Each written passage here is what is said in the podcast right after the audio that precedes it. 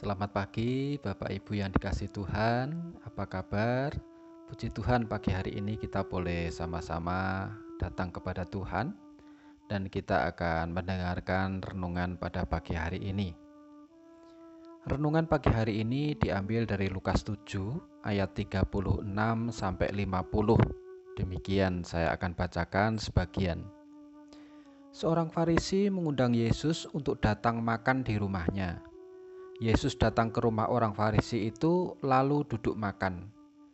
Di kota itu ada seorang perempuan yang terkenal sebagai seorang berdosa. Ketika perempuan itu mendengar bahwa Yesus sedang makan di rumah orang Farisi itu, datanglah ia membawa sebuah buli-buli pualam berisi minyak wangi.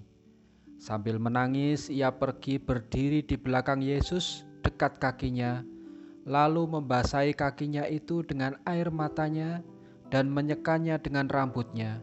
Kemudian ia mencium kakinya dan meminyakinya dengan minyak wangi itu.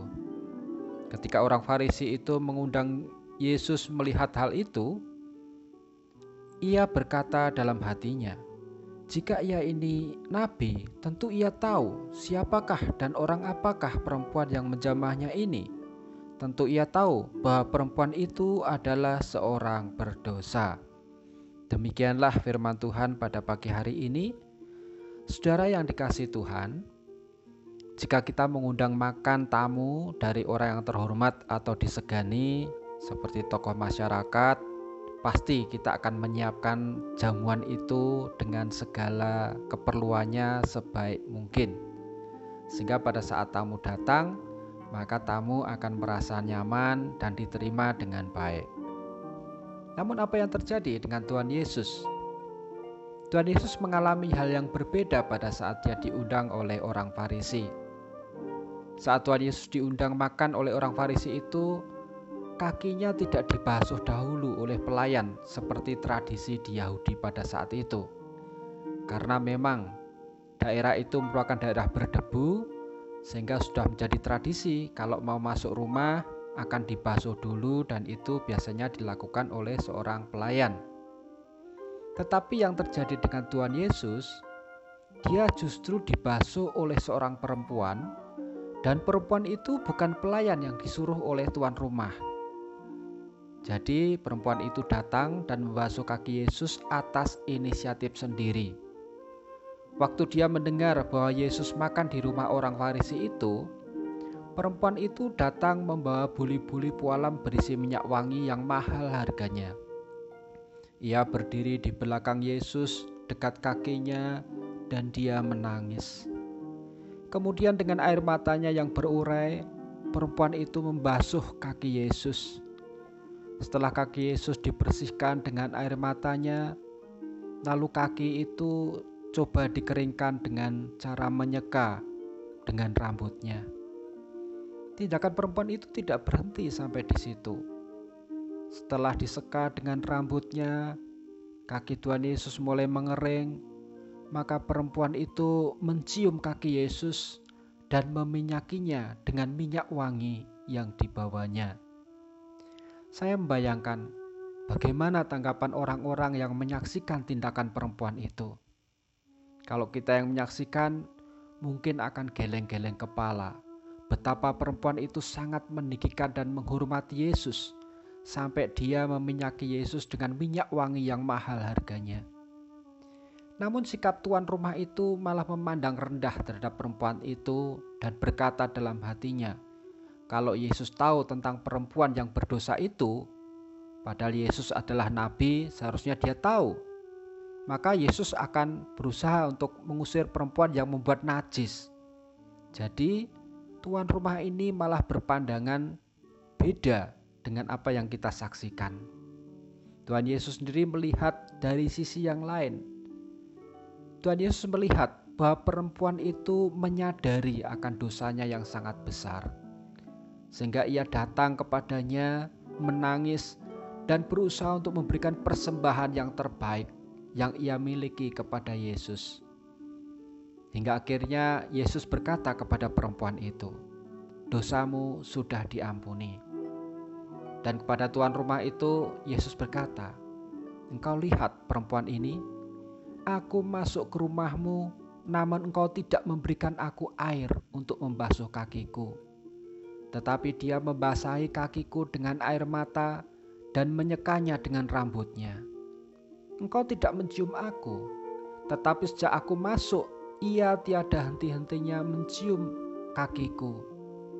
Engkau tidak meminyaki kepalaku dengan minyak, tetapi dia meminyaki kakiku dengan minyak wangi. Sebab itu aku berkata kepadamu, dosanya yang banyak itu telah diampuni, sebab ia telah banyak berbuat kasih. Tetapi orang yang sedikit diampuni, sedikit juga ia berbuat kasih. Saudara yang dikasih Tuhan, apa yang dilakukan tuan rumah itu mengingatkan kita betapa sering kali kita juga melakukan hal yang sama, tidak menghormati Tuhan Yesus. Kita sudah mengundang Yesus dalam kehidupan kita, tetapi kita tidak menyambut dan menghargai Dia dengan sepantasnya. Kita masih mengecewakan Yesus dengan kehidupan kita yang sering menyakiti orang lain menghakimi orang lain, dan menempatkan Yesus justru sebagai pesuruh kita, menyuruh-nyuruh Tuhan Yesus melalui doa-doa kita. Betapa berdosanya kita ini.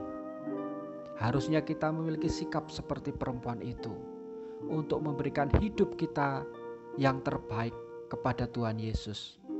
Tuhan Yesus telah menyelamatkan hidup kita.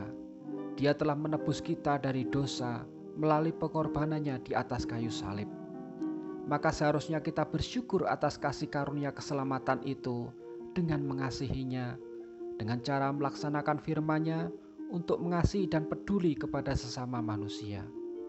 Kasih yang muncul karena Ia telah mengasihi kita terlebih dahulu dengan cara mengampuni segala dosa dan kejahatan kita.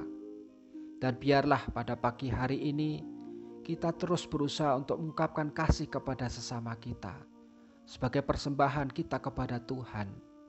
Terima kasih kepada Tuhan. Kiranya Roh Kudus menolong kita. Amin. Mari kita berdoa.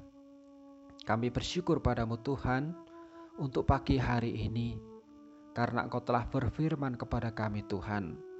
Betapa dalam hidup kami, kami masih memandang rendah orang-orang di sekeliling kami Betapa kami juga tidak menempatkan Engkau pada posisi yang sesungguhnya Tuhan.